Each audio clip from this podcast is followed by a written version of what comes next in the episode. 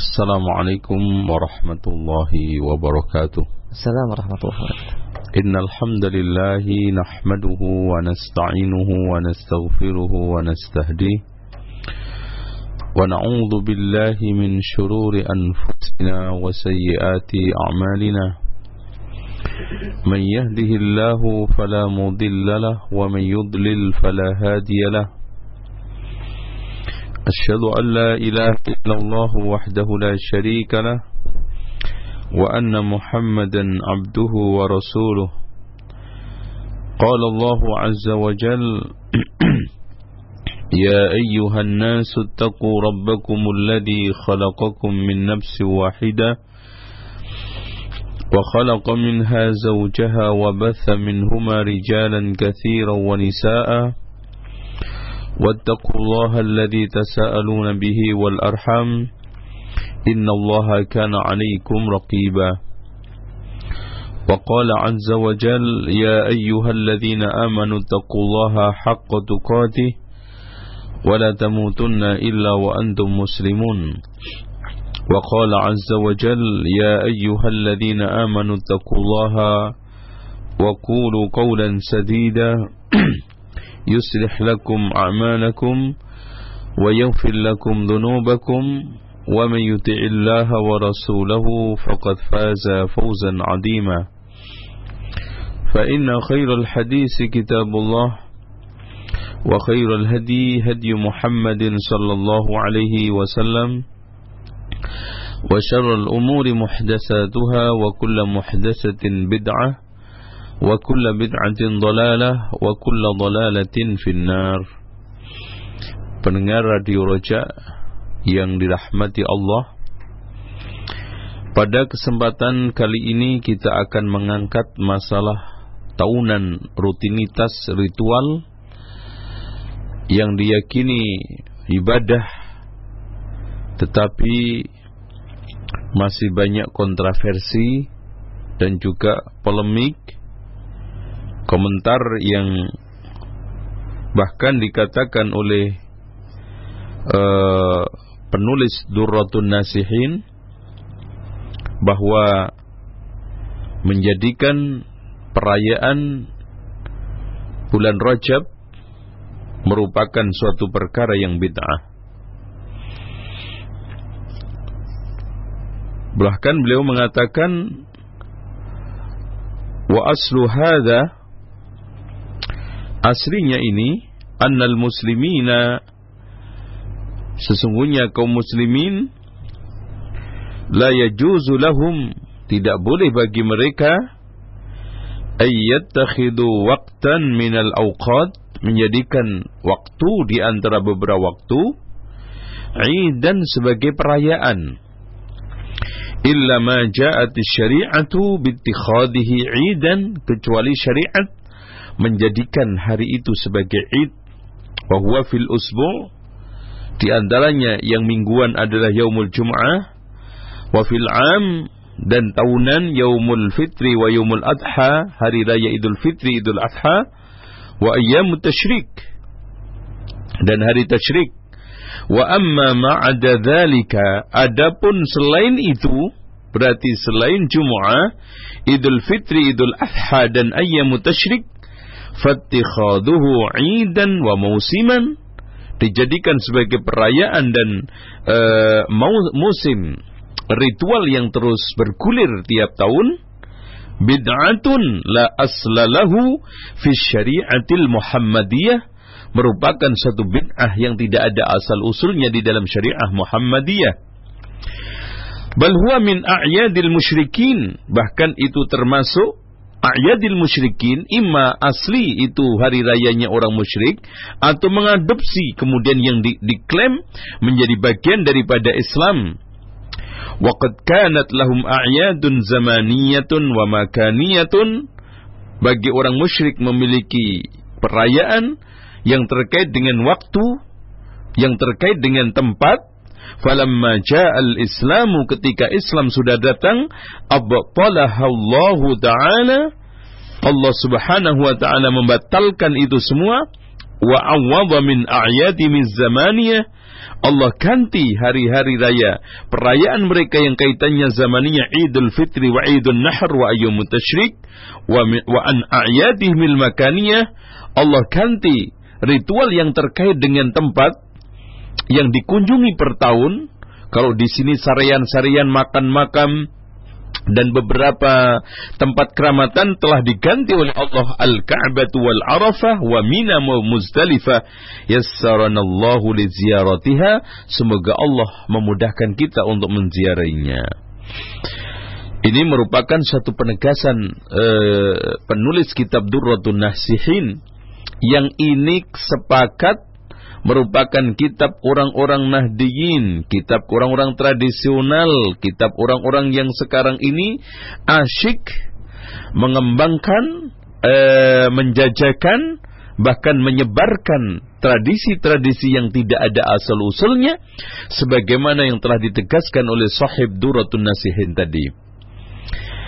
Pendengar sekalian yang dirahmati oleh Allah, perlu diketahui tidak ada satu ibadah khusus di bulan Rajab ini. Baik itu oh, puasa maupun zikir maupun salat bahkan termasuk peringatan Isra Mi'raj atau kejadian Isra Mi'raj itu tidak benar kalau dinyatakan bahwa itu kejadian pada waktu bulan Rajab Bahkan dikatakan oleh Abu Syamah nanti kita nukil secara khusus spesifik insya Allah mudah-mudahan ada waktu bahwa itu adalah uh, dibuat oleh tukang kisah yang penuh dengan kedustaan ya kebohongan atas nama Rasulullah sallallahu alaihi wasallam. Sebagaimana yang telah ditegaskan oleh Imam Abu Syamah di dalam kitab Al-Ba'its ala inkaril hawadith ala inkaril bid'ah wal hawadith kata beliau zakara ba'dul qassas al-isra kana fi rajab sebagian tukang kisah menegaskan bahwa Isra Mi'raj itu terjadi pada bulan Rajab wa dzalika inda ahli ta'dil wa tajrih Padahal itu menurut ulama ahli ta'dil wa tajrih ahlul ahlul hadis ainul kadhib nyata-nyata suatu kedustaan, kebohongan. Bahkan qala Abu Ishaq Al-Harbi usriya bi Rasulillah sallallahu alaihi wasallam lailata sab'in wa ishrina min syahri Rabi'il Awal. Rasulullah Sallallahu Alaihi Wasallam diisrakan pada pada waktu bulan Rabiul Awal. Dan ini juga ditegaskan oleh Imam An Nawawi Abu Zakaria An Nawawi Ad Dimashqi Asy-Syafi'i di dalam kitabnya Syarah Muslim yaitu Al Minhaj Syarah Sahih Muslim. Beliau menegaskan sama seperti yang telah ditegaskan oleh Imam Abu Syamah bahwa yang benar yang sahih Isra Mi'raj itu terjadi pada bulan Rabiul Awal bukan bulan Rajab dan juga ditegaskan oleh Imam Al-Hafidh Ibnu Hajar Al-Asqalani Asy-Syafi'i, Masya Allah, Abu Sama Asy-Syafi'i, Abu Zakaria An-Nawawi Ad-Dimashqi Asy-Syafi'i dan juga Ibnu Hajar Al-Asqalani Asy-Syafi'i di dalam kitab Tabyinul Ujab beliau mengatakan juga sama bahwa yang sahih yang benar uh, peristiwa Isra Mi'rajnya Rasulullah sallallahu alaihi wasallam pada waktu bulan Rabiul Awal. Inilah satu kenyataan yang kita sayangkan. Di kalangan kaum muslimin, ada pengguliran yang semacam pembodohan. Yang tidak ada habisnya tahun ke tahun. Beliau mengatakan acara spektakuler, bahkan dari mulai kalangan atas, menengah, dan bawah. Mereka, yakini merupakan satu ritual ibadah uh, yang berpahala, mengandung surga, sehingga mereka khusyuk bahkan lebih khusyuk mengamalkan yang jelas-jelas dibanding dengan sesuatu amal ibadah yang jelas-jelas dalilnya dari Alkitab wa sunnah sahihah maka ini merupakan suatu keajaiban. Dengan demikian terutama ingin saya tegaskan di sini tidak ada suatu amalan khusus di bulan Rajab ini baik itu puasa, zikir, salat Bahkan hadis-hadis yang nanti insya Allah akan kita sampaikan beberapa contoh hadis yang mereka jadikan sebagai dasar untuk mengkhususkan puasa di bulan Rajab, untuk mengkhususkan qiyamul lail di bulan Rajab, untuk mengkhususkan zikir, bahkan istighfar, bahkan umrah di bulan Rajab. Semuanya hadisnya antara maudhu, dhaif, tidak ada satupun yang bisa kita jadikan pegangan. Jangankan sahih, hasan pun tidak bisa. Oleh karena itu Ibnu Hajar Al-Asqalani Al-Hafidh Al-Imam Al-Mubajjal Ibnu Hajar Al-Asqalani Al-Syafi'i di dalam kitab Tabyinul Ujab halaman 11 mengatakan lam yarid fi fadli syahri Rajab. Tidak ada suatu hadis yang menegaskan tentang keutamaan bulan Rajab wala fi siyamihi dan juga tidak ada satu hal yang menjelaskan tentang puasanya. Wala fi siyami syai'in minhu muayyan dan tidak ada suatu puasa tertentu. Wala fi qiyami lailatin makhfusatin fihi. Dan juga tidak ada qiyamul lail yang secara khusus dilakukan itu. Maksudnya hadisun sahihun. Tidak ada satu hadis sahih pun yang menjelaskan keutamaan bulan Rajab keutamaan puasa, keutamaan men, me, mengkhususkan puasa atau mengkhususkan qiyamul lail pada waktu malam itu yasluh lil hujjah satu hadis yang sahih cocok layak untuk jadi hujjah. Tidak ada. Ini penegasan Al-Imam Al-Hafidh Ibnu Hajar Al-Asqalani Asy-Syafi'i. Saya ulangi lagi, lam yarid fi fadli syahri Rajab wala fi siyamihi wala fi syai'i wala fi siyami syai'in minhu muayyan wala fi qiyami lailatin makhsusatin fihi hadithun sahihun yasluhu lil hujjah. Waqala aidan waqad sabaqani dia mengatakan juga waqad sabaqani ilal jazmi bidzalikal imam Abu Ismail Al-Harawi telah mendahuluiku katanya Ibnu Hajar Al-Asqalani telah mendahuluiku. Dalam hal ini Al-Imam Abu Ismail Al-Harawi Al-Hafid rawainahu anhu bi isnadin sahih wa kadzalika rawainahu an ghairihi. Artinya sama pernyataan itu. Dan Imam Ibnu Qayyim Al-Jauziyah di dalam kitab Al-Manarul Munif halaman 96 mengatakan wa kullu hadithin fi dzikri saumi rajab wa salati ba'dil layali fihi wa huwa kadhibun muftarun. Semua hadis yang menyebutkan tentang puasa Rajab dan solat di, di sebagian malam-malam bulan Rajab maka semua hadisnya kadhibun muftarun dusta dan diada-ada dan Al-Allama Al-Faqih Majduddin Fairuz Abadi di dalam kitabnya Safrus Sa'adah. Beliau mengatakan wababu salat di dalam khatimah di dalam pungkasan kitabnya beliau mengatakan wababu salatir raghaib tentang masalah salat raghaib wa salati nisfi sa'ban dan salat nisfu sa'ban wa salati nisfi rajab dan salat nisfu rajab wa salatil iman salat iman wa salati lailatul mi'raj dan salat lailatul mi'raj hadhil abwab lam yasih fiha syai'un asla bab-bab ini semuanya tidak ada satu hadis pun yang sahih sama sekali. Dan subhanallah kalau kita lihat yang mengatakan ini semua adalah pendekar-pendekar uh, ulung di dalam masalah hadis yang inilah yang dikatakan oleh Imam Mubarak Jahabidah.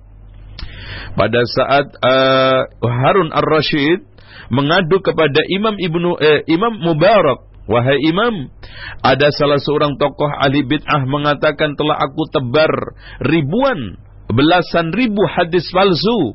Maka kata Ibnu Mubarak apa? Ta'ishu lahal jahabidah akan dihadapin oleh pendekar-pendekar ulung, oleh mereka-mereka yang handal, yang kokoh, yang hebat di dalam masalah ilmu hadis sehingga dia mereka bisa memilah mana hadis yang sahih, mana yang hadis dhaif, mana yang palsu. وقال أيضا وباب صيام رجب وفضله لم يثبت فيه شيء بل ورد كراهة ذلك Tidak ada satu hadis pun yang sahih tentang masalah puasa bulan Rajab dan keutamaan bulan Rajab. Bahkan telah banyak riwayat yang menjelaskan, ada riwayat yang menjelaskan tentang kemakruhan itu semua, alias makruh puasa bulan Ramadan seperti eh, yang telah ditegaskan oleh Umar bin Khattab, ya. Umar bin Khattab itu memukuli orang-orang Rajabiyin, ya. Agar kita lebih yakin lagi saya turunkan semua pendapatnya dari kalangan Syafi'iyah. Di antaranya Imam Syafi'i sendiri. Qala al-Imam Suyuti Asy-Syafi'i di dalam kitabnya Al-Amru bil Ittiba wa Nahyu 'anil 'anil Ibtida. Qala Syafi'i rahimahullahu taala Imam Syafi'i mengatakan wa aqrahu ayyattakhidar rajulu sawma syahrin bikamalihi kama yakmulu uh, kama yakmulu ramadhan. Saya benci orang melakukan puasa penuh bulan Rajab seperti yang uh, seperti Ramadan Wa kadzalika yaumun min bainil ayyam. Begitu juga sehari di antara beberapa hari.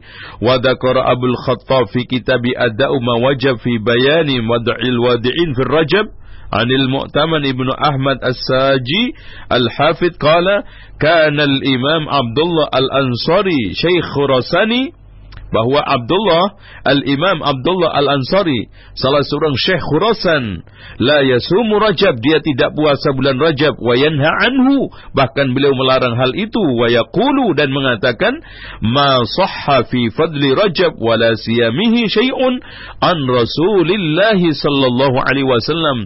Tidak ada satu hadis pun yang sahih yang menjelaskan tentang keutamaan bulan Rajab dan keutamaan puasa bulan Rajab. Satu satu pun hadis dari Rasulullah sallallahu alaihi wasallam. Bahkan waqat rawa karahatu saumihi an jama'atin minas sahaba, bahkan para sahabat atau sekelompok sahabat melarang uh, menyatakan bahwa itu dibenci. Itu merupakan perkara yang makruh dan makruh di dalam istilah salaf. Al ulama salaf bukan makruh menurut ulama ul mutaakhirin. Bahkan makruh maknanya adalah dibenci. Maknanya adalah haram. Minhu Abu Bakar wa Umar. Wa kana Umar radhiyallahu an yadribu bid-darrati as-sawamahu uh, Umar bin Khattab memukuli dengan cambuk bagi orang-orang yang puasa ini menunjukkan bukan makruh menurut pandangan ulama sekarang. Makruh artinya bila ditinggalkan baik dikerjakan nggak apa-apa. Qultu daraba Umar ala siyamihi waritun fil mu'jamil awsad dan juga ditegaskan oleh Imam Al-Hisami di dalam Majma'uz Zawaid dan juga Imam Ibnu Waddah di dalam Al-Bid'ah wan Nahyu anha. Dan Imam Al-Faqih di dalam kitab Kitab Makkah. Dan Abu Syama Al-Maqdisi di dalam kitab Al-Ba'is ala Inkaril Bid'ah wal Hawadith. Dan bahkan beliau mengatakan wa asnadahu al-imam al-mujma' ala adali ala adalatihi.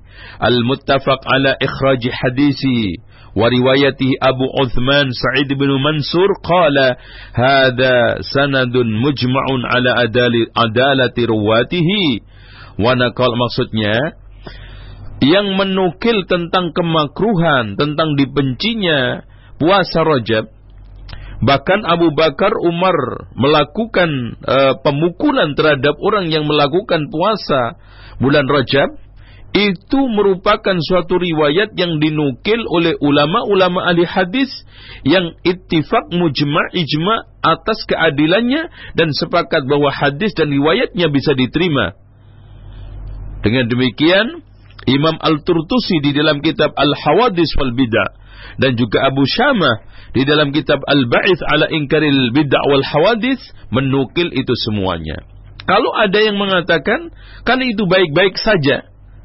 Apa sih sekarang masalahnya perkara baik dihalang-halangi, perkara baik dilarang-larang? Maka ini dijawab oleh Imam As-Suyuti Imam As-Suyuti. Di dalam kitabnya Al-Amru bil Ittiba wan Nahyu 'anil Ibtida'. Huwa isti'malu khairin. Kalau dikatakan itu kan untuk kebaikan. Kila lahu isti'malul khair yang bagi ayyakuna masyru'an minar rasul kalau kita katakan baik, hendaknya baik itu merupakan suatu kebaikan yang dianjurkan dari Rasulullah, yang masyru' ya yang dianggap baik oleh Rasulullah. Fa idza alimna annahu kadzibun ala Rasulillah kalau sekarang kita sudah mengetahui bahwa hadis-hadis tentang keutamaan bulan Rajab dan keutamaan puasa bulan Rajab merupakan suatu hadis-hadis yang dusta atas nama Rasulullah SAW, kharaja anil masyru'iyah sudah tidak bisa dikatakan masyru' dianjurkan lagi. Wa innama kanat tu'azzimuhu mudar fil jahiliyah bahkan itu Rajab dihormati oleh orang-orang kabilah Mudar zaman jahiliyah kama qalahu Umar ibn al-Khattab wa darabu aidir rajabiyyin alladhina yasumunahu wa kana ibnu Abbas ibnu Abbas radhiyallahu an habrul Quran yakrahu aidan siyamahu dia membenci juga puasanya pada waktu bulan bulan Rajab tersebut. Dengan demikian uh, merupakan suatu kekeliruan yang fatal merupakan suatu kekeliruan yang sangat-sangat tidak bisa dibenarkan apalagi itu merupakan suatu kerjaan tokoh. Kalau membenarkan, menganjurkan, mengajak jamaah bahkan memotivasi bahkan uh, apa namanya berlagak uh, tidak dengar nasihat-nasihat para ulama Bahkan kitab-kitab ulama yang ditulis di dalam rangka untuk memberikan satu pencerahan, pengarahan, dianggap kitab semua itu tidak ada. Coba Imam As-Suyuti lagi mengatakan, "Wa kana Ibnu Umar idza ra'an ma ya'uduna lirajab, ya, karihahu." Ibnu Umar ketika melihat orang-orang ya, apa namanya? menghitung-hitung bulan Rajab maka dia membencinya wa qala sumu minhu aftiru Artinya puasa-puasa silahkan bukan dalam rangka taksis untuk mengkhususkan bulan Rajab, tapi puasa kebetulan Senin Kemis atau puasa yang lainnya. Dengan demikian, kalau kita sekarang dikir, bukan pengkhususan bulan Rajab. Kalau kita baca Quran, Qiyamul Lail, bahkan puasa bukan karena pengkhususan bulan Rajab, maka itu boleh-boleh saja. Dengan demikian, Imam At-Turtusi di dalam kitab Al-Hawadis wal Bidah yukrahu mengatakan yukrahu siyamu Rajab. Ya dibenci tidak boleh puasa bulan Rajab ala ahadi thalathati wujuh. Kalau tujuannya salah satu di antara tiga. Yang pertama idza khassahul muslimuna bisawmi fi kulli amin. Kalau kaum muslimin mengkhususkan puasa tersebut setiap tahun artinya puasa yang saya lakukan ini ada kaitannya dengan bulan Rajab. Karena bulan Rajab artinya di sini kalau enggak Rajab saya enggak mungkin puasa. Dan saya ngejar ini karena fadilahnya ada di bulan Rajab itu. Nomor duanya Eh, alasannya itu hasibal awam wa man la ma'rifata lahu bi syari'ah ma'aduru siyami annahu fardun ka Ramadan. Nanti kalau ini dibiasakan dibiarkan, maka orang awam itu menganggap itu merupakan suatu hal yang fardu, yang wajib, katanya Imam Asyuyuti. Sehingga dianggapnya seperti Ramadan dan kenyataan. Mereka sekarang ini lebih khusyuk, lebih khidmah, membaca, melakukan puasa bulan Rajab ini seperti khidmatnya dia di dalam melakukan puasa Ramadan. Walaupun tidak ada anggapan secara eksplisit bahwa ini wajib, tetapi uh, khidmahnya, kekhusyuannya, keseriusannya, kesungguhannya, bahkan bahkan perhatiannya hampir sama perhatian mereka dengan bulan Ramadan. Ini jelas merupakan satu kesalahan. Alasan yang kedua, imma annahu sunnatun thabitatun khassahur rasul bisawm atau kalau orang tersebut puasa meyakini bahwa itu uh, terdapat sunnah yang sabitah tetap yang dikhususkan oleh Rasulullah puasa pada bulan itu uh, seperti uh, sunnah-sunnah rawatib yang lainnya seperti puasa uh, Ashura seperti puasa Arafah kalau mereka meyakini seperti itu maka ini juga tidak boleh Kemudian yang ketiganya imma anna sauma fi makhsusun bi fadli thawabin ala sa'iri syur atau si orang yang puasa tersebut meyakini bahwa puasa tersebut ada fadilah secara khusus. Ada pahala secara khusus. Bahkan mendapatkan pahala sekian sekian sekian dibanding puasa di bulan lain. Nah, kalau ada keyakinan seperti ini juga, maka puasa tersebut dibenci bahkan termasuk perkara-perkara bid'ah jarin majra saumi asyura dianggapnya seperti puasa asyura baik dari sisi fadilahnya, keutamaannya, penekanannya pahala fayakun min babil fadail dan itu merupakan suatu bab fadail la min babis sunan wal, wal, faraid walau kana min babil fadail. Kalau seandainya puasa bulan Rajab itu merupakan suatu bagian fadail alias memiliki keutamaan secara khusus baik dari sisi keutamaan uh, janji dunia atau pahala janji di akhirat nanti la bayyanahu Nabi sallallahu alaihi wasallam. Pasti itu akan dijelaskan oleh Rasulullah SAW. Katanya Imam Abu eh, Imam uh, At-Turtusi di dalam kitab Al-Hawadis wal Bidah au fa'alahu minimal Rasulullah melakukan itu. Walau marratan fil umri walaupun hanya sekali di dalam seumurnya. Kama fa'ala fi saumi asyura seperti yang dilakukan di dalam puasa asyura walamma lam yaf'al. Ketika Rasulullah tidak pernah melakukan dan tidak pernah menjelaskan batala kaunuhu maksusan bil fadilah maka anggapan itu ada keutamaannya secara khusus. Batil batal anggapan tersebut. Tidak bisa dibenarkan maknanya. Wala huwa fardun wala sunnatun bittifaqin bahkan itu bukan fardu bukan juga suatu sunnah yang maknanya nafilah menurut kesepakatan para ulama. Falam yabqa li takhsisi walam yabqa li takhsisi bisyami wajhun dan tidak ada satu uh, pembenaran ya wa, uh, maksudnya wajah di sini tidak ada alasan sama sekali untuk mengkhususkan bulan Rajab dengan puasa tertentu dan diyakini ada fadilah tertentu. Fakuriha siyamu bahkan dimakruhkan puasa pada saat itu. Waddamau alai uh, dan melanggengkan puasa itu terus menerus setiap tahun. Hadaran min an yaltahiqa bil faraid wa sunan ar-ratiba indal awam. Takut khawatir itu akan menjadi suatu hal yang harus yang lazim atau minimal sunnah yang harus dirutinkan di kalangan orang awam. Dan masya Allah di sini kita tegaskan Ya. Yang lebih ajaib lagi, banyak orang yang melakukan puasa ini.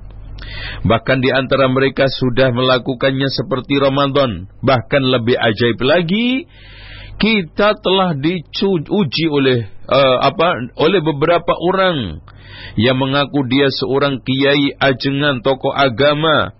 Ternyata memotivasi bukan hanya sekedar dia diam, bukan hanya sekedar meremehkan dalam mengingkarinya, bahkan mendorong, mengajak orang-orang awam, uh, mengajak orang-orang yang sekarang ini paham agamanya lemah, diajak dimotivasi, disebarkan lewat internet, disebarkan lewat selebaran, anjuran untuk puasa.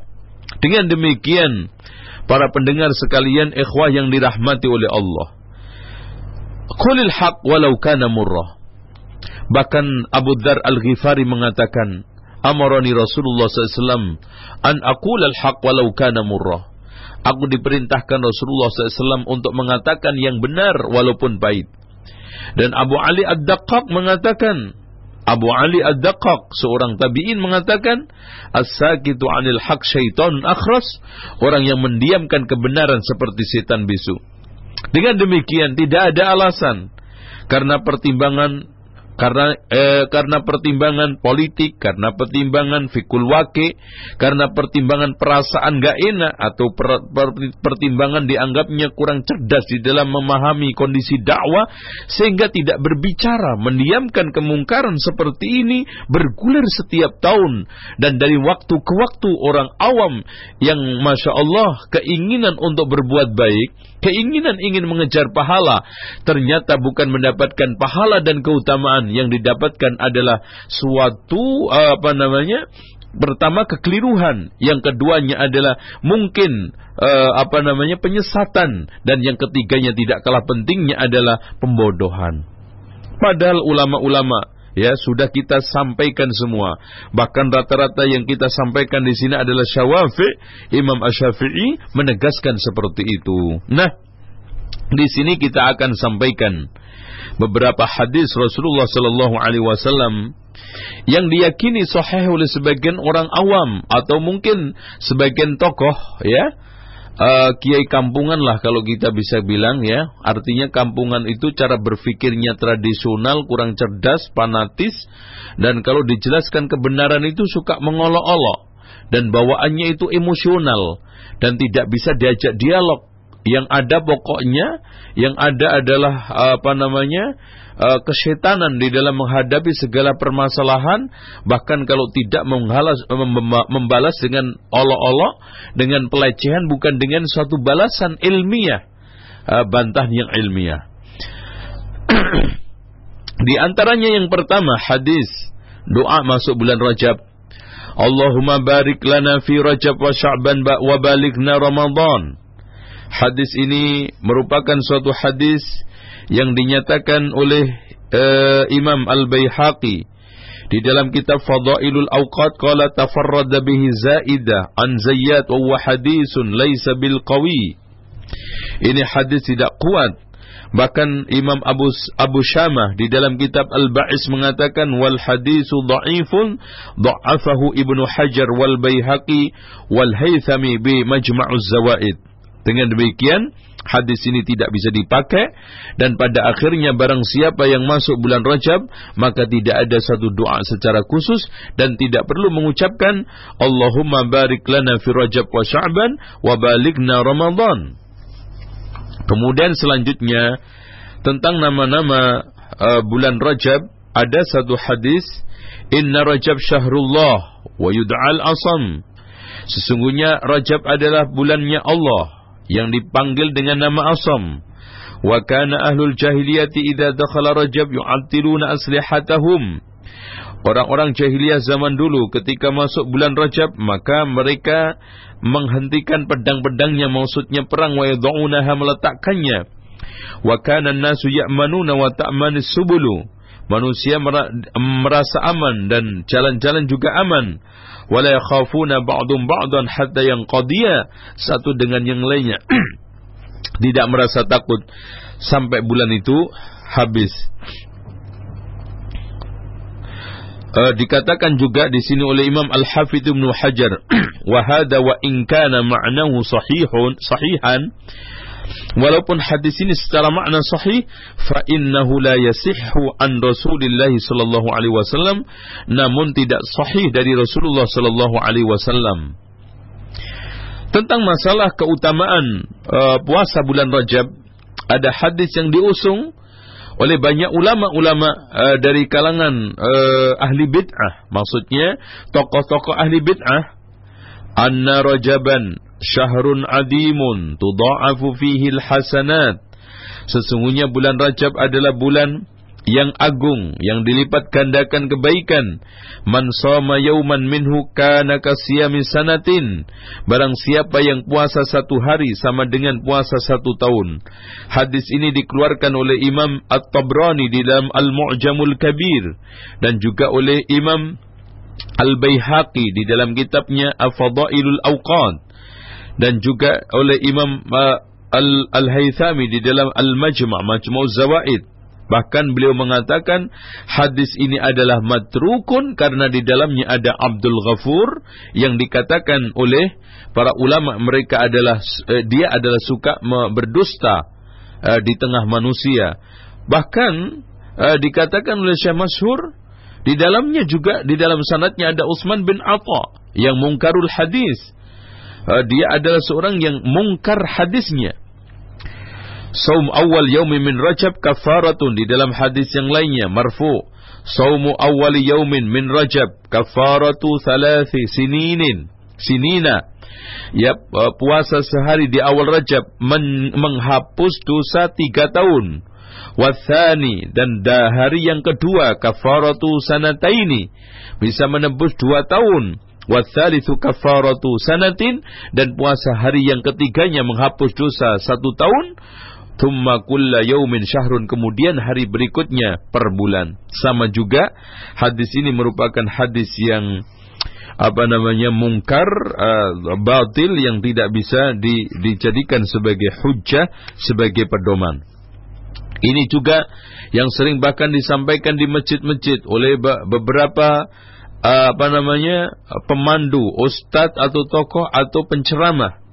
Ketika memberikan suatu motivasi kepada jamaah atau kepada kaum muslimin awam agar mereka semangat untuk puasa atau untuk melakukan berbagai amaliyah yang mereka anjurkan pada waktu bulan Rajab menggunakan hadis ini. Inna fil jannati nahran. Sesungguhnya di di surga itu ada sungai. Yuqalu lahu rajabun. Dikatakan sungai Rajab Ma'uhu asyaddu bayadan minal thalji, minal laban, maaf.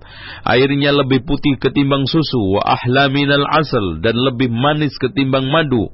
Man soma yauman min rajab, barang siapa yang puasa sehari saja dari bulan rajab. Saqahu Allahu min dhalikan nahr, Allah subhanahu wa ta'ala akan beri minum dari uh, sungai tersebut. Hadis ini dikeluarkan oleh Imam Ibn Hibban di dalam Majruhin, wa Ibnul Jauzi dan dikeluarkan oleh Imam Ibnul Jauzi di dalam kitab Al-Wahiyat.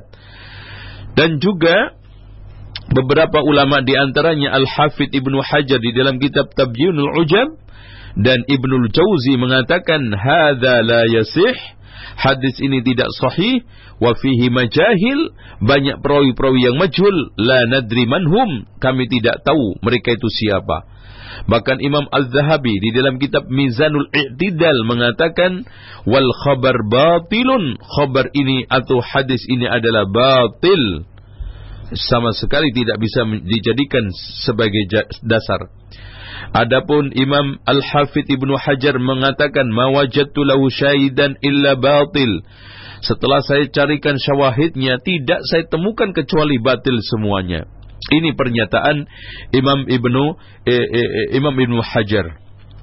Dan dalam uh, suatu lafaz lain, man sama awala awala man sama awala yaumin min Rajab. Barang siapa yang puasa awal bulan Rajab, idru dzalika bisyami sanatin sama dengan puasa satu tahun. Wa man sama sab'ata ayyamin, barang siapa yang puasa tujuh hari ughliqa anhu sab'ata abwabin nar. Ditutup tujuh pintu neraka. Wa man sama min rajab asyrata ayamin barang siapa yang puasa sepuluh dari bulan rajab eh, sepuluh hari bulan Rajab nada munadin fis sama ada panggilan datang dari langit ansal tu'tahu ya minta dikasih pasti. Dan masih banyak hadis-hadis yang sepadan dengan ini uh, di antaranya adalah saya ingin uh, bacakan Rajab syahrun azimun Puasa Rajab itu bulan yang sangat agung. Yudha'ifullahu fihi hasanati. Allah Subhanahu wa taala meng, uh, meng apa? melipat gandakan kebaikan. Faman shoma yauman min Rajab, barang siapa puasa satu hari dari bulan Rajab, faka'annama shoma sanatan, seperti puasa satu tahun. Wa man sama minhu sab'ata ayyamin. Barang siapa yang puasa tujuh hari ghuliqat anhu sab'atu abwabi jahannam. Ditutup tujuh pintu surga neraka. Wa man sama minhu thamaniyata ayyamin.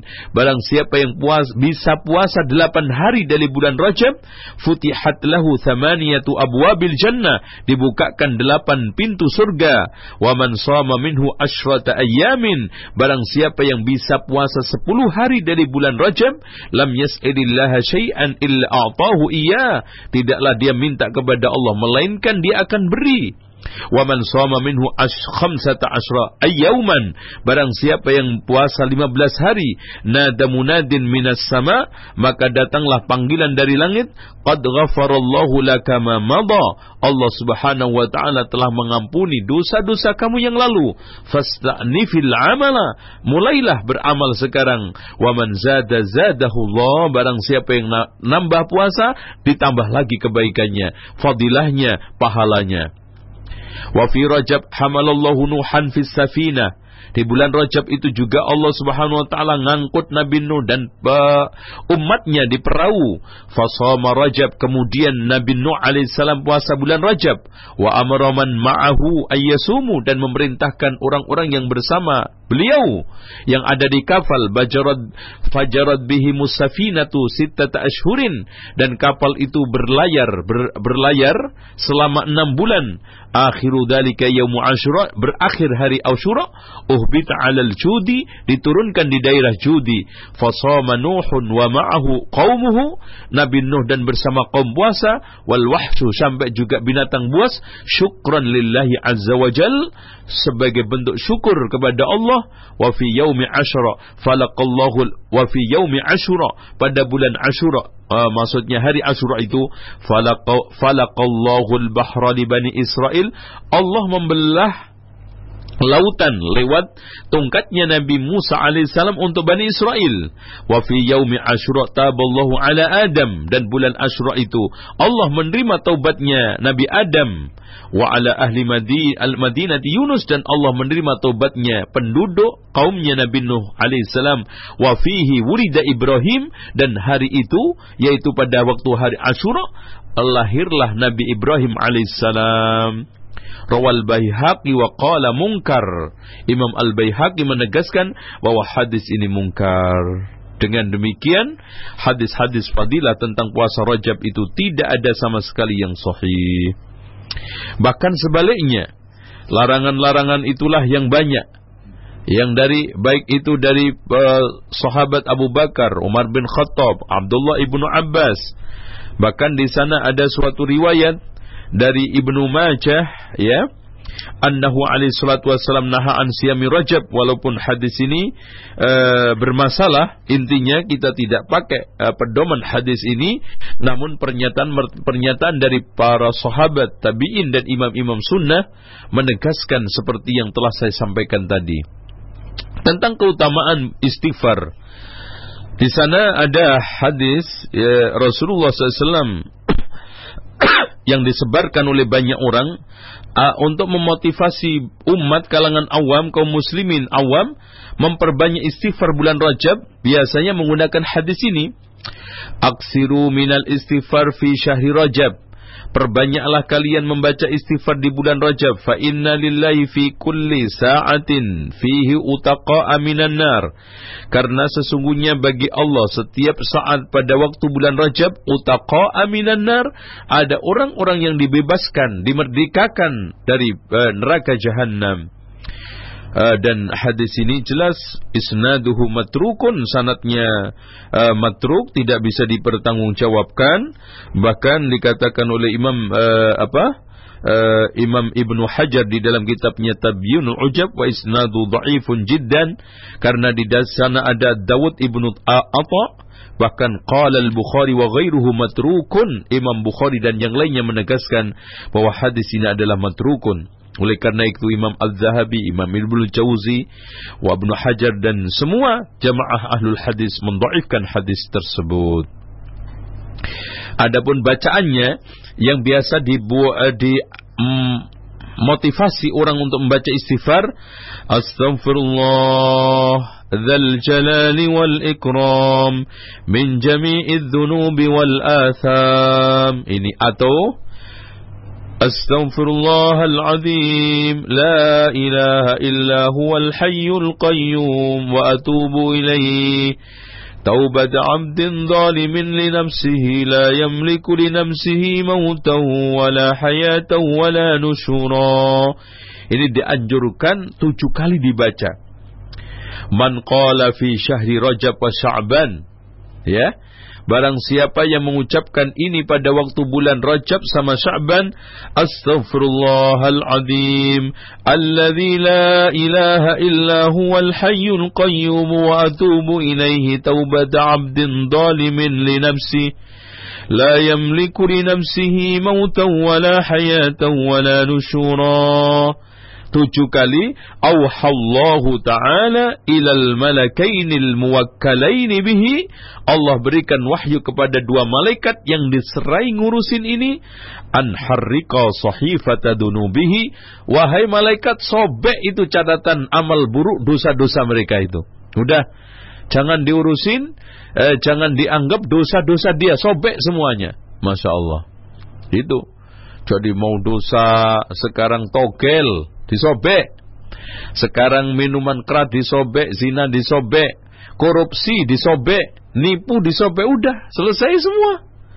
A'udzubillah. Inilah yang di antara dampak negatif hadis uh, lemah atau hadis palsu adalah membuat orang semangat berbuat maksiat karena meremehkan dosa-dosa lewat fadail fadilah-fadilah yang menggiurkan fadilah-fadilah yang mem, men, apa ya membius mereka sampai ekstase spiritual ya.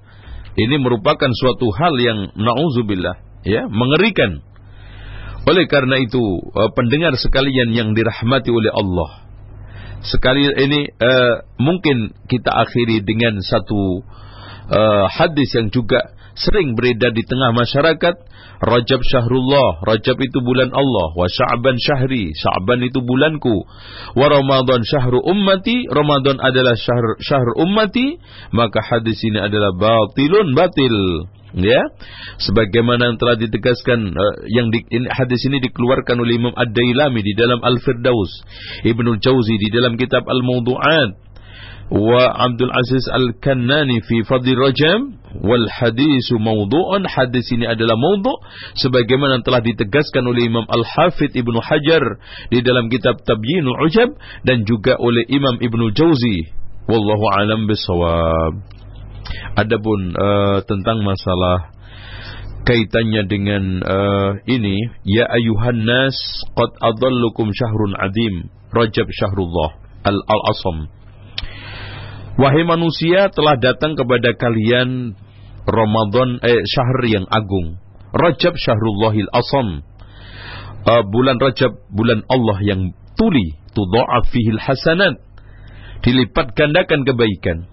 Wa tustajabu fihi da'awat, dikabulkan doa wa yufarraju fi anil kurban akan dilepas berbagai macam apa namanya kesulitan hadis ini juga mungkar ya mungkar tidak bisa dipertanggungjawabkan bahkan mungkar sekali adapun salatul raghaib di Jumat pertama di bulan Rajab ini juga dikatakan oleh uh, para ulama di antaranya adalah Imam uh, Al Abu Syamah di dalam kitab Al Ba'ith dan juga Imam As-Suyuti dan banyak ulama-ulama yang menegaskan bahwa ini adalah solat bid'atun mungkaratun yang tidak bisa dibenarkan sama sekali. Karena ini juga bertentangan dengan hadis Rasulullah SAW, la takhusu laylatul jum'ah biqiyamin wa la takhusu yawmal jum'ah bisiyamin. Ini yang ditegaskan oleh Rasulullah sallallahu alaihi wasallam. Adapun tentang masalah mengkhususkan umrah pada bulan Rajab juga tidak ada satu apa namanya riwayat. Adapun Ibnu Umar yang mengklaim bahwa Rasulullah SAW pernah umrah pada waktu bulan Rajab, maka itu dibantah oleh Aisyah. Rasulullah SAW tidak pernah uh, puasa bulan Rajab, eh, maaf, umrah bulan Rajab dan Abdullah ibnu Umar diam. Tentang masalah uh, apa namanya solat Lailatul Mi'raj ini juga hadis-hadis tentang masalah puasa Lailatul Mi'raj ini tidak ada. Ya, adapun uh, di dalam kitab Jami'il Kabir ya, fi Rajab Lailatun kudiba lil amil fi hasanatu mi'a sana. Di dalam bulan Rajab itu ada malam. Siapa yang beramal kebaikan di malam itu dilipat gandakan tujuh eh, seratus tahun pahalanya. Masya Allah, udah. Padahal umurnya aja nggak ada, nggak ada 80. Wadhalika li thalathi baqina min Rajab dan itu ada di uh, hari terakhir bulan Rajab, yaitu tanggal 27, 28, 29 malamnya. Wa man shalla fi isna asyrata raka'atan. Barang siapa yang bisa sholat di malam itu 12 rakaat Yaqra'u fi kulli rak'atin Fatihatul Kitab, membaca setiap rakaat Fatihatul Kitab. Wa suratan minal Qur'an, surat dari Al-Qur'an. Yatashah, yatashahadu fi kulli rak'atin, tasyahud setiap dua rakaat. Wa, yus, wa yusallim uh, wa yusallimu fi akhirihinna. Dan membaca salam maksudnya keluar. Wa yaqulu ba'da salati. Setelah selesai salat mengatakan subhanallah walhamdulillah wa la ilaha illallah wallahu akbar. 100 kali. Dan astagfirullah 100 kali. Dan membaca salawat 100 kali Kemudian wayad'u li nafsi masya'a min amri dunya wa akhiratu. Kemudian berdoa sesuka hatinya untuk kepentingan dunia akhiratnya. Wa sa'iman besok paginya puasa. Fa innallaha yastajibu du'aahu kullahu. Allah akan mengabulkan doa semuanya. Illa ayyad'uwa fi ma'siyatin. Kecuali doa untuk maksiat. Jelas hadis ini tidak bisa dipertanggungjawabkan bahkan diriwayatkan dari Imam Imam Al Baihaqi dari Abban dari Anas dengan sanad dhaifun jidda jidda tidak bisa dipertanggungjawabkan. Inilah para uh, pendengar sekalian yang dirahmati oleh Allah Subhanahu wa taala tentang masalah yang terkait dengan seputar masalah Rajab uh, baik fadilah bulannya, fadilah puasanya dan juga yang lainnya Mudah-mudahan ini merupakan satu pencerahan dan mudah-mudahan ini merupakan satu masukan, bahkan bukan hanya masukan. Yang saya sampaikan ini hanya sekedar menukil ucapan para ulama, pernyataan para ulama dan saya banyak nukil dari kalangan syawafi yaitu syafi'iyah agar kita yang sekarang mengklaim bahwa pengikut madhab syafi'i sadar dan mencoba untuk berfikir berkali-kali merenung agar keagamaan kita sah di sisi Allah subhanahu wa ta'ala agar agama kita merupakan agama atau ibadah kita ibadah yang diterima oleh Allah Subhanahu wa taala. Wallahu a'lam bishawab. Tapi pendengar yang dirahmati Allah Subhanahu wa taala, demikian penjelasan yang begitu sangat gamblang disampaikan oleh Al Ustaz Abu Ahmad Zainal Abidin berkenaan dengan ritual ibadah yang uh, terdapat di dalam, di dalam bulan Rajab ini. Kemudian kami akan buka sesi tanya jawab, namun sebelumnya kita akan rehat sejenak. Anda bisa ikuti beberapa jeda berikut ini.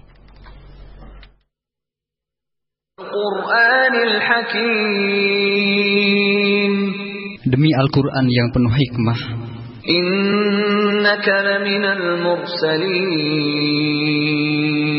Sesungguhnya kamu salah seorang dari Rasul-Rasul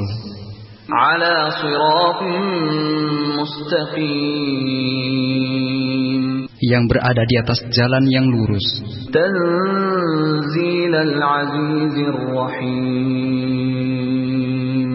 Sebagai wahyu yang diturunkan oleh Yang Maha Perkasa lagi Maha Penyayang.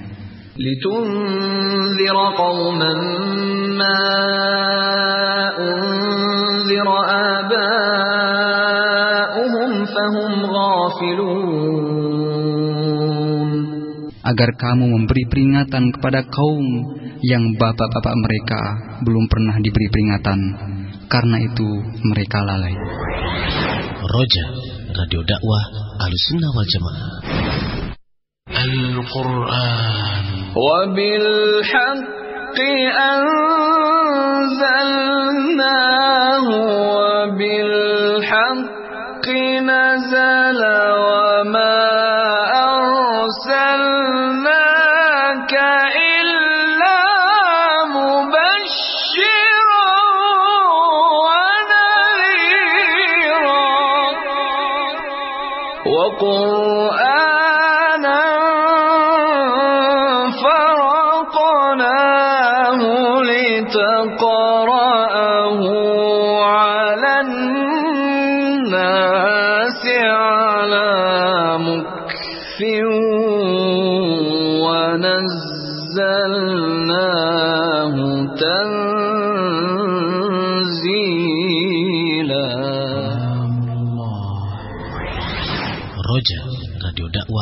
Alusunnah Wal Jamaah. Alhamdulillah, salatu wassalamu ala rasulillah Nabiina Muhammadin wa ala alihi wa sahbihi wa man walah mabad Kembali bersama Anda dalam kesempatan kajian kita Dengan narasumber Al-Ustaz Abu Ahmad Zainal Abidin Hafizahullah Ta'ala. Dan bagi Anda yang baru bergabung bersama kami Dalam kajian khusus Membahas seputar permasalahan ritual ibadah yang begitu banyak Dan uh, begitu sangat dirutinkan oleh kaum muslimin khususnya di negeri ini tiap tahun di bulan Rajab dan kita telah menyimak bersama berkenaan dengan hukum-hukum dari ibadah-ibadah tersebut yang diambil langsung dari kitab uh, mazhab Imam Syafi'i dan selanjutnya kami akan buka tanya jawab untuk memperluas pembahasan. Bagi Anda yang bertanya silahkan di 0218236543. Dan sudah ada satu penelpon dengan Bapak Egi di Ciputat. Silahkan Pak. Assalamualaikum warahmatullahi wabarakatuh. Assalamualaikum. Ya saat gini uh, banyaknya perayaan keagamaan uh, yang di Indonesia yang termasuk bid'ah. Ustaz. Salah satunya Islam Mitos yang sebentar lagi mungkin tanggal uh, 10 Juli Ustaz. Hmm. Ini uh, mengapa MUI pusat maupun daerah Hmm. tidak cenderung tidak melakukan apa-apa dalam hal ini. Padahal kan harusnya mereka amal ma'ruf nahi munkar itu. Dan eh, apa yang telah dilakukan para ulama salaf seperti Ustadz atau Ustadz Yaka Hakim, Ustadz Yazid, apakah tidak kita tidak memiliki apa ulama-ulama salaf itu tidak ada yang berdi eh, apa menempati MUI sehingga terkesan MUI eh, beberapa perayaan bidah seperti dibayarkan saja gitu Ustaz. Ya itu aja eh, pertanyaan saya. Ya. Khairan, Ustaz. Baik, jazakallah khair atas pertanyaan. Jazakumullah khairan. Ya, eh, permasalahannya tidak sesimpel itu. Tentang masalah eh, al-amru bil ma'ruf wan nahyi 'anil munkar juga tidak lazim harus melalui MUI. Tetapi juga tidak tertutup kemungkinan untuk memberikan masukan dan kita juga harus sadar benar bahwa Majelis Ulama Indonesia adalah wadah kumpulan dari tokoh-tokoh berbagai macam kalangan yang tidak bisa dengan mudah menyatakan seperti yang telah dinyatakan oleh para ulama yang telah saya sampaikan tadi. Terganjalnya masalahnya adalah masalah kaitannya dengan dampak mereka kalau katakan efek. Padahal uh, telah ditegaskan oleh Syekh Masyhur hendaknya seorang dai thalabul ilmi tidak menjadikan pertimbangan uh, politik, fikul waki atau apa namanya kekhawatiran-kekhawatiran lain yang sifatnya e, di lapangan itu menjadikan sebagai dasar untuk menghentikan amar ma'ruf nahi mungkar. Menyampaikan hal-hal yang seperti ini. Dan kita insya Allah mudah-mudahan ya Allah memberikan kekuatan kepada kita semua ad-du'at ilallah ta'ala yang telah berusaha dan berusaha semaksimal mungkin selalu menyesuaikan ucapan Allah kul hadhihi sabili ad'u ila Allah ala basiratin ana wa man ittaba'ani. Usaha-usaha ini bisa menembus hati-hati mereka yang sedang kering ingin mendapatkan hidayah. Mudah-mudahan kalimat-kalimat yang keluar dari uh, pernyataan-pernyataan para ulama ini bisa mengetuk hati para pendengar yang saat ini atau mungkin di kesempatan lain uh, yang menjelaskan tentang dakwah sahihah, dakwah sunnah, dakwah yang telah dikatakan oleh Rasulullah sallallahu alaihi wasallam la ahyadiyallahu bika rajulan wahidan khairun laka min humrin na'am wallahu alam bisawab Baik, demikian baiki terhadap pertanyaannya dan jawaban dari Ustaz.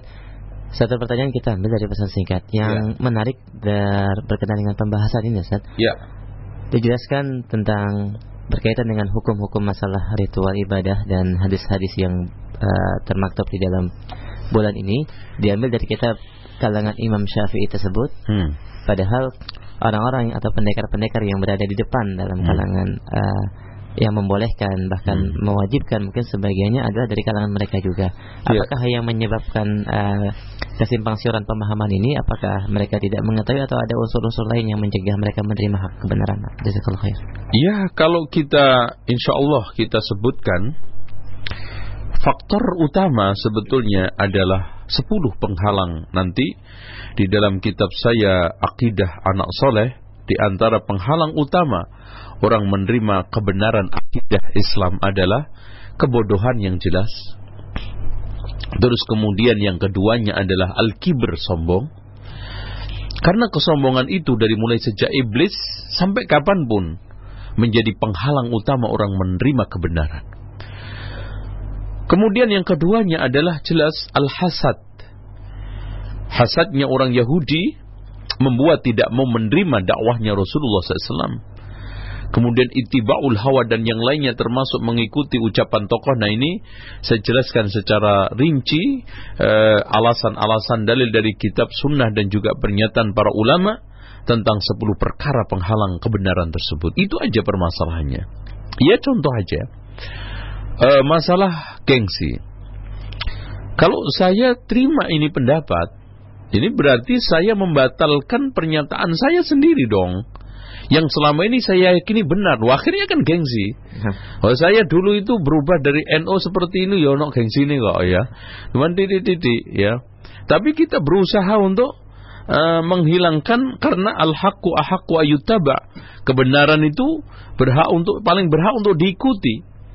Makanya sering kita buat prinsip Ikutilah orang karena dia benar. Jangan mengikuti kebenaran karena orang. Kenalilah kebenaran, kamu akan kenal siapa yang benar. Itu prinsip. Nah mudah-mudahan harapan demi harapan ini ya saya bisa mengetuk saudara-saudara lama saya untuk ya minimal baca kitab lah gitu loh.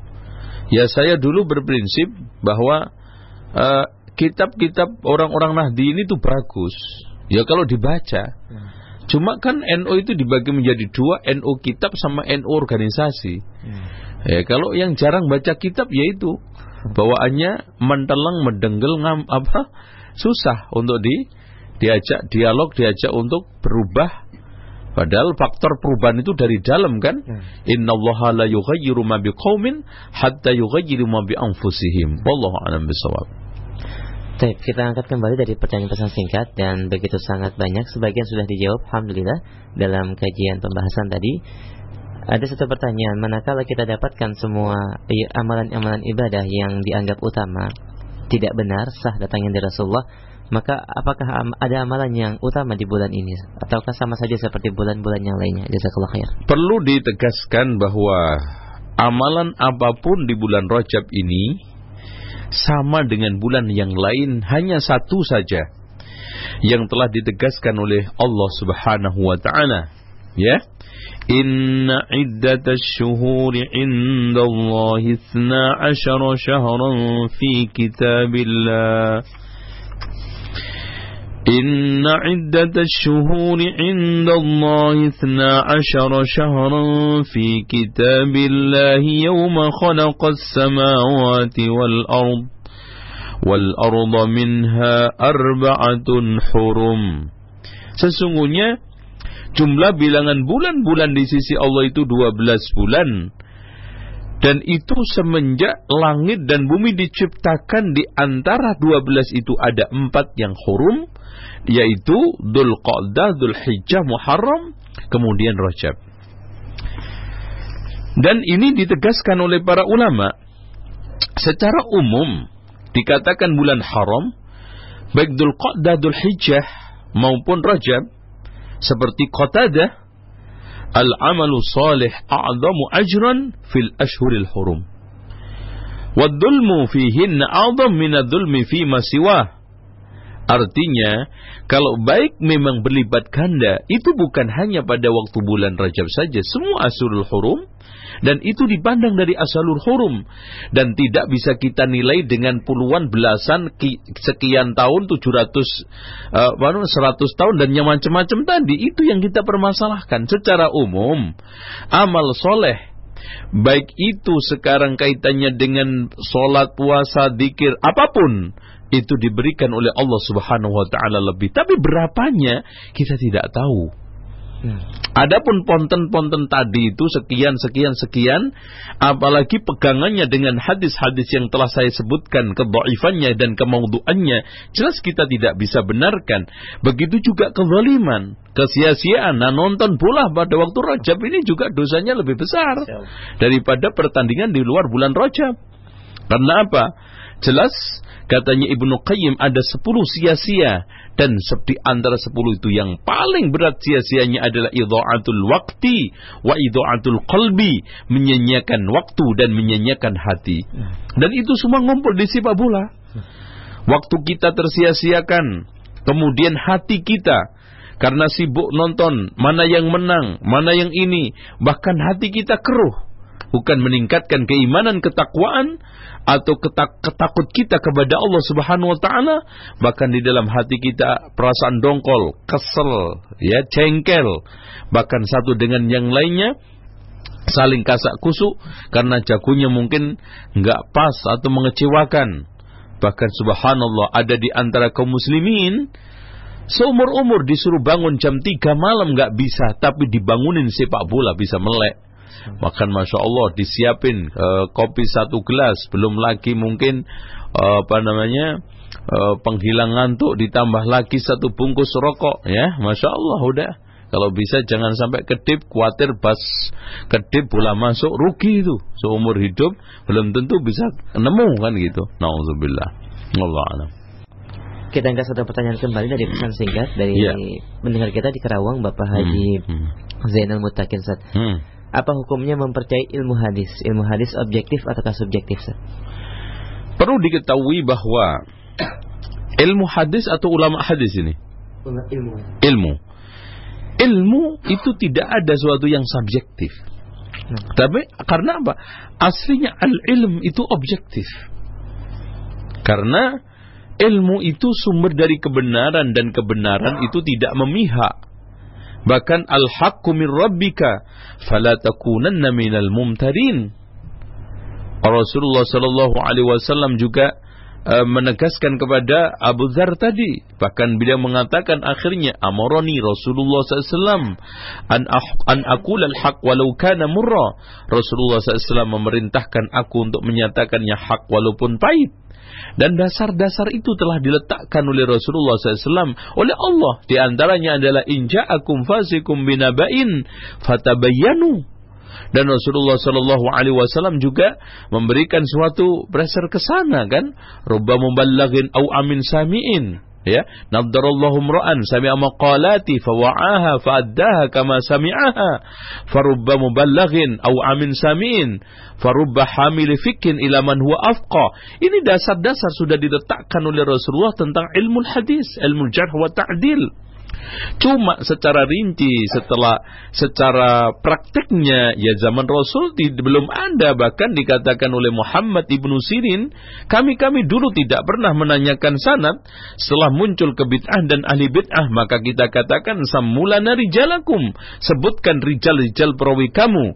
Kalau kita temukan dari kalangan ahli sunnah qabilna kita terima wa in wajadna min ahli bid'ah uh, radadna. Kalau seandainya kita temukan dari ahli bid'ah maka kita tolak itu mulai uh, penerapannya itu dengan demikian uh, ilmu hadis merupakan suatu ilmu yang agung ilmu yang mulia ilmu yang uh, telah di, telah diletakkan dasar-dasarnya oleh Allah dan Rasulnya dan oleh para sahabat ridwanullahi alaihim wallahu alam bisawab Baik, demikian Bapak Zainal di Kerawang mudah-mudahan bisa difahami.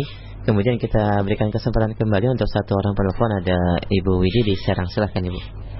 Halo, Assalamualaikum Pak Ustaz. Waalaikumsalam warahmatullah Saya mau nanya, itu do- doa yang di bulan Rajab itu ada doanya yang mustajab apa doanya apa gitu Pak Ustaz?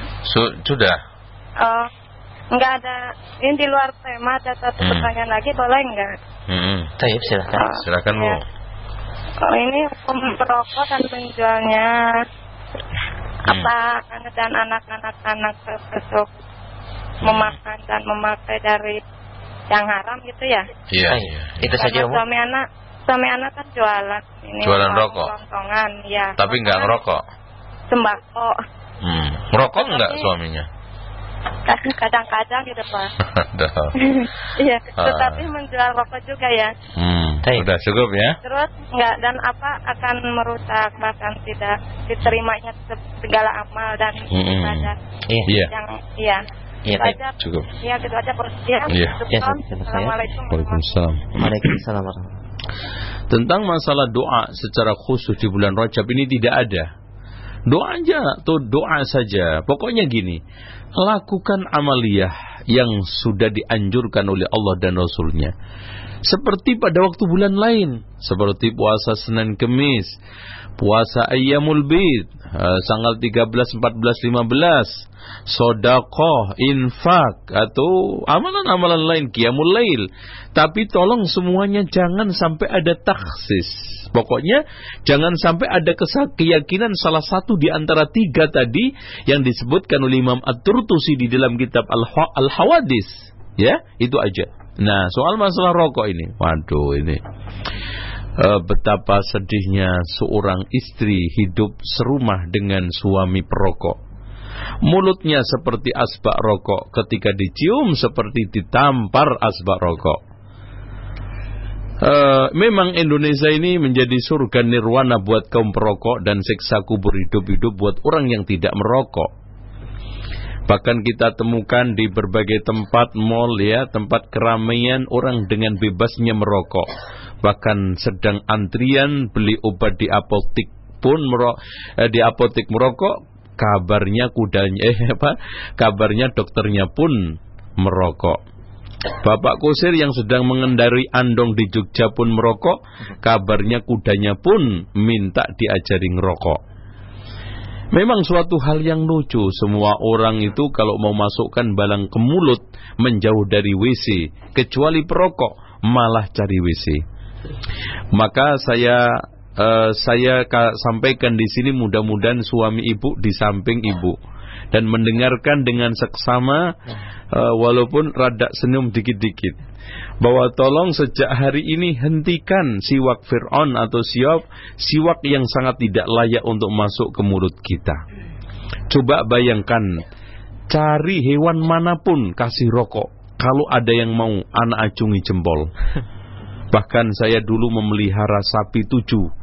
Dan sapi itu sampai bisa memberangkatkan haji orang tua. Ya saya, tujuh-tujuhnya tidak pernah minta saya rokok. Lah kadang-kadang Masya Allah manusia baru membantui kita sedikit saja. Pak minta uang rokok. Mana ada uang rokok nih. Kertas sama logam tuh ambil makan. Kan gitu. Dengan demikian pendengar yang dirahmati oleh Allah. Hentikanlah. Coba bayangkan. Produksi rokok di Indonesia itu satu hari miliaran. Ya mungkin sampai 7 miliar. Coba berapa triliun uang dibakar, uang dibuang Sementara kita kesulitan berdakwah karena dana, membangun masjid karena dana, membangun pesantren karena dana, bahkan banyak anak putus sekolah karena dana. Yang lebih lucu lagi, ada sebagian orang tua bayar sekolah anaknya ngadat, bayar TPA masjid ngadat. Bahkan kalau sekarang disuruh aja ini itu kata alasannya nggak punya duit. Tapi untuk soal rokok, masya Allah tidak pernah tidak kenal duit dan tidak pernah ngadat lancar. Dan subhanallah yang lebih ajaib lagi, orang kadang-kadang masya Allah bisa kehilangan istri, tapi belum tentu bisa kehilangan suhu. Ini apa namanya rokok. Yang lebih ajaib lagi masya Allah Coba bayangkan, asap depannya api, belakangnya nikotin. Kan mendingan asap kenal pot. Udah gratis, itu mungkin bahayanya agak ringan. Itu, dengan demikian saya anjurkan kepada, ya kalau memang nggak bisa berhenti, ada tempat rehabilitasi, sangat bagus sekali untuk menghentikan rokok. Nggak pakai insya Allah, pasti berhenti, kuburan. Nah itu, dan nanti insya ini uh, semua bakal berhenti di sana. Kalau nggak mendengarkan nasihat ini, ya masing-masing uh, akan mempertanggungjawabkan perbuatannya di sisi Allah dan uh, baik yang mengkonsumsi dan yang menjual maka kedua-duanya mendapatkan hukuman dan sanksi sama. Wallahu a'lam bishawab. Baik, kita masih berikan kesempatan untuk dua orang penelpon. Kami berikan kesempatan bagi para pendengar Roja yang ingin bertanya. Dan sebelumnya kami angkat kembali satu pertanyaan dari pesan singkat. Hmm. Ustaz mohon uh, disebutkan beberapa rujukan dari pembahasan kitab ini sehingga kita bisa mengambil langsung dari kitab tersebut. Jazakallah khair. Iya. Uh, tadi sudah saya sebutkan bisa ke kitab Tabyunul Ujab uh, karangan Al-Hafidh dan juga Safrus Sa'adah karangan Al-Fairus Abadi dan Abu Syamah di dalam kitab Al-Ba'ith ala Inkaril Hawadis wal Bid'ah dan juga Al-Amru bil Ittiba' wan Nahyu 'anil Ibtida' karangan Imam As-Suyuti dan Al-Hawadis wal Bid'ah karangan Imam At-Turtusi dan Ibnu Waddah Al-Bid'ah wan Nahyu anha. Ini menjelaskan semua tentang masalah ini uh, yang telah saya sampaikan tadi. Dan di sana juga ada kitab yang ditulis oleh Imam ini uh, Al-Qari. Uh, tapi ana sarankan untuk uh, membaca bersama tahqiqnya Syekh Mashur yang judulnya Al-Adab fi Syahri Rajab dan juga di dalam kitab Lataiful Ma'arif karangan Ibnu Rajab dan insya Allah kitab-kitab ini sudah cukup untuk menjadi rujukan kita. Adapun tentang masalah kaitannya dengan uh, Isra Mi'rajnya Rasulullah bulan Rabiul Awal bukan Rajab itu bisa kita lihat di dalam kitab Tabyinul Ujab dan juga di dalam kitab Abu eh, kitab Imam An-Nawawi Al-Minhaj Syarah Sahih Muslim di dalam Kitabul Iman bab Isra-nya Rasulullah SAW beliau menurunkan riwayat itu di dalam syarahnya itu ya insyaallah bisa kita lihat di situ semua bismillah wallahu a'lam Baik. Kemudian kita angkat kembali ada Abu Fauzan di Hmm. Kelapa Gading silahkan. Assalamualaikum Pak Ustaz. Waalaikumsalam warahmatullah Saya mau, saya mau nanya Pak Ustaz. Ini istri saya tuh eh, di Bogor hmm. eh, dimintai dana satu kepalanya lima puluh ribu Hmm. untuk apa untuk raja Pak Ustaz. Gimana cara caranya gimana Pak ya Mas menyampaikan? Baik, itu saja Bapak. Hmm. Iya Pak. Ya, jazakallah khair atas pertanyaannya. Waalaikumsalam warahmatullah. Ya, kalau kita berbicara masalah cara, eh, masalah cara, ya cara yang paling hikmah adalah di dalam had, eh, di dalam firman Allah, khudil af, maafkan dia. Wa'mur bil urfi, perintahlah jelaskan itu. Wa'arid anil jahilin sudah berpaling dari orang-orang bodoh. Artinya eh, kita jelaskan kenapa kita tidak memberinya eh, apa namanya kenapa kita tidak memberi sumbangan tersebut insya Allah eh, dengan yang kedua nanti untuk masalah-masalah yang lainnya kita beri kalau itu mubah. Seperti mungkin ada urunan sunatan masal oke. Masalah untuk apa semprot minyak eh semprot apa itu eh, nyamuk eh, oke. Kita tidak ada masalah. Jadi kita bukan pelit, kita bukan tidak mau bersosialisasi, kita bukan eh, tidak mau bersama mereka, apalagi mengurung diri tidak. Tetapi kita punya prinsip itu, ya. Wallahu a'lam bishawab. Baik. Dan kita angkat satu penelpon terakhir mungkin saja Iya, iya. dari Imu Siti di Jakarta silakan. Assalamualaikum Ustaz. Ya, waalaikumsalam warahmatullah. Afwan agak agak panjang sedikit Ustaz ya karena penting sekali. Hmm. Eh, Di bulan Rajab ini eh, saya menghindari hal-hal yang em, orang lain gitu ya. Hmm. Misalnya eh, yang terjadi pada anak gini Ustaz. Eh, beberapa tahun yang lalu Hmm. almarhum eh, suaminya anak sudah tiada sekarang. Hmm. Eh, terja ter- pernah terjadi bisnis eh, Hmm. wartel. Kemudian terjadilah penipuan di bawahnya lari eh, uang 100 juta. Hmm. Masya Allah. Terus? Nah, bukan uang suami anak gitu. Hmm. Dan sekarang beliau sudah tidak ada eh, Hmm. dan semasa hidup beliau berjanji eh, apa dalam bisnis itu akan mengganti menyanggupi hanya 40 juta. Hmm. Nah, jadi sekarang ini apa yang harus kami lakukan? Hmm. Apakah terus orang itu tidak pernah datang menagih gitu, orang itu yang punya uang itu Hmm. pernah datang menagih. Hmm. Terus uh, di bulan yang baik ini kita Hmm. terus Hmm. terusan Hmm. uh, jazakallahu Iya iya ya. Eh, intinya begini, Rasulullah Shallallahu Alaihi Wasallam mengatakan, ad-dainu dainan. Utang itu ada dua macam. Waman mata wa huwa yanwi qada'ahu fa ana waliyuhu waman mata wa huwa la yanwi qada'ahu fa dzaka tu'khad min hasanatihi Utang itu ada dua macam Siapa yang mati punya niat membayar utang sebelum meninggal dunia. Tapi sampai meninggal tidak sanggup kebayar Maka aku akan menjadi penjaminnya. Tapi barang siapa yang meninggal dunia punya utang. Sebelum meninggal tidak pernah punya niat untuk membayar utang. Itulah nanti yang akan diambil dari kebaikannya. Maksudnya kebaikan dia nanti diberikan orang yang punya uang di bawah tersebut tidak dibayar trader. Dan Rasulullah SAW mengatakan matrul ghaniyi dulmun menunda-nundanya orang yang sekarang ini bisa bayar tapi nggak mau bayar itu zalim. Dah, dah mudah-mudahan Allah mudahkan eh, ibu eh, ahli warisnya untuk menyelesaikan utang itu. Adapun ketidakhadiran sahibnya atau yang punya duit itu juga bukan alasan untuk kita tidak membayar kalau mampu. Bahkan kita telepon, kita beritahu bahwa sampai sekarang Pak, saya mohon maaf saya belum bisa membayarnya, itu lebih baik. Karena itu adab muslim yang diajarkan oleh Rasulullah SAW. Rahimallahu mra'an samhan idha qada wa idha qtada. Semoga Allah merahmati seorang yang samhan. Sangat toleran, bagus, beradab, sopan. Ketika meminjam, mengembalikan pinjaman. Wa idha ba'a wa idha ketika menjual, ketika membeli. Intinya dalam muamalah ini hendaknya kita gunakan adab Islam. Bahkan kita gunakan etika Islam, amanah terutama. Terus kita wafak setia, kita penuhi apa yang telah kita janjikan. Insya Allah akan dimudahkan oleh Allah Subhanahu wa taala.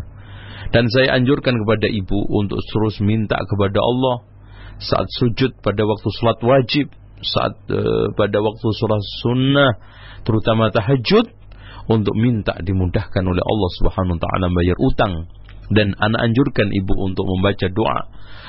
Rasulullah SAW mengajarkan kepada kita agar dimudahkan bayar utang dan kita diberikan kecukupan. Allahumma rabbas samawati sab'i wa rabbal ardi wa rabbal arshil adim.